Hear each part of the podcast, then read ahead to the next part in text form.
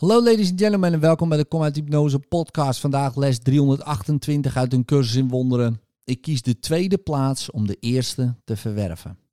Wat de tweede plaats lijkt is de eerste. Want alles wat we waarnemen staat op zijn kop, tot we luisteren naar de stem namens God. Het lijkt alsof we alleen autonomie kunnen verwerven door ons streven afgescheiden te zijn. En dat onze onafhankelijkheid van de rest van Gods schepping de manier is waarop verlossing wordt bereikt. Maar al wat we vinden is ziekte, lijden en verlies en dood. Dit is niet wat onze Vader voor ons wil. En evenmin is er naast zijn wil een tweede. Zich met de zijne verenigen is niets anders dan die van ons vinden.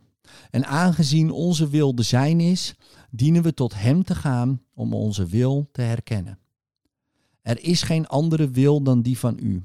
En ik ben blij dat niets wat ik me voorstel in tegenspraak is met wat U wilt dat ik ben. Het is uw wil dat ik volkomen veilig ben en eeuwig in vrede.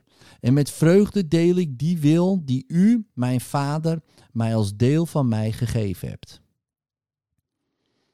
In liefde, tot morgen.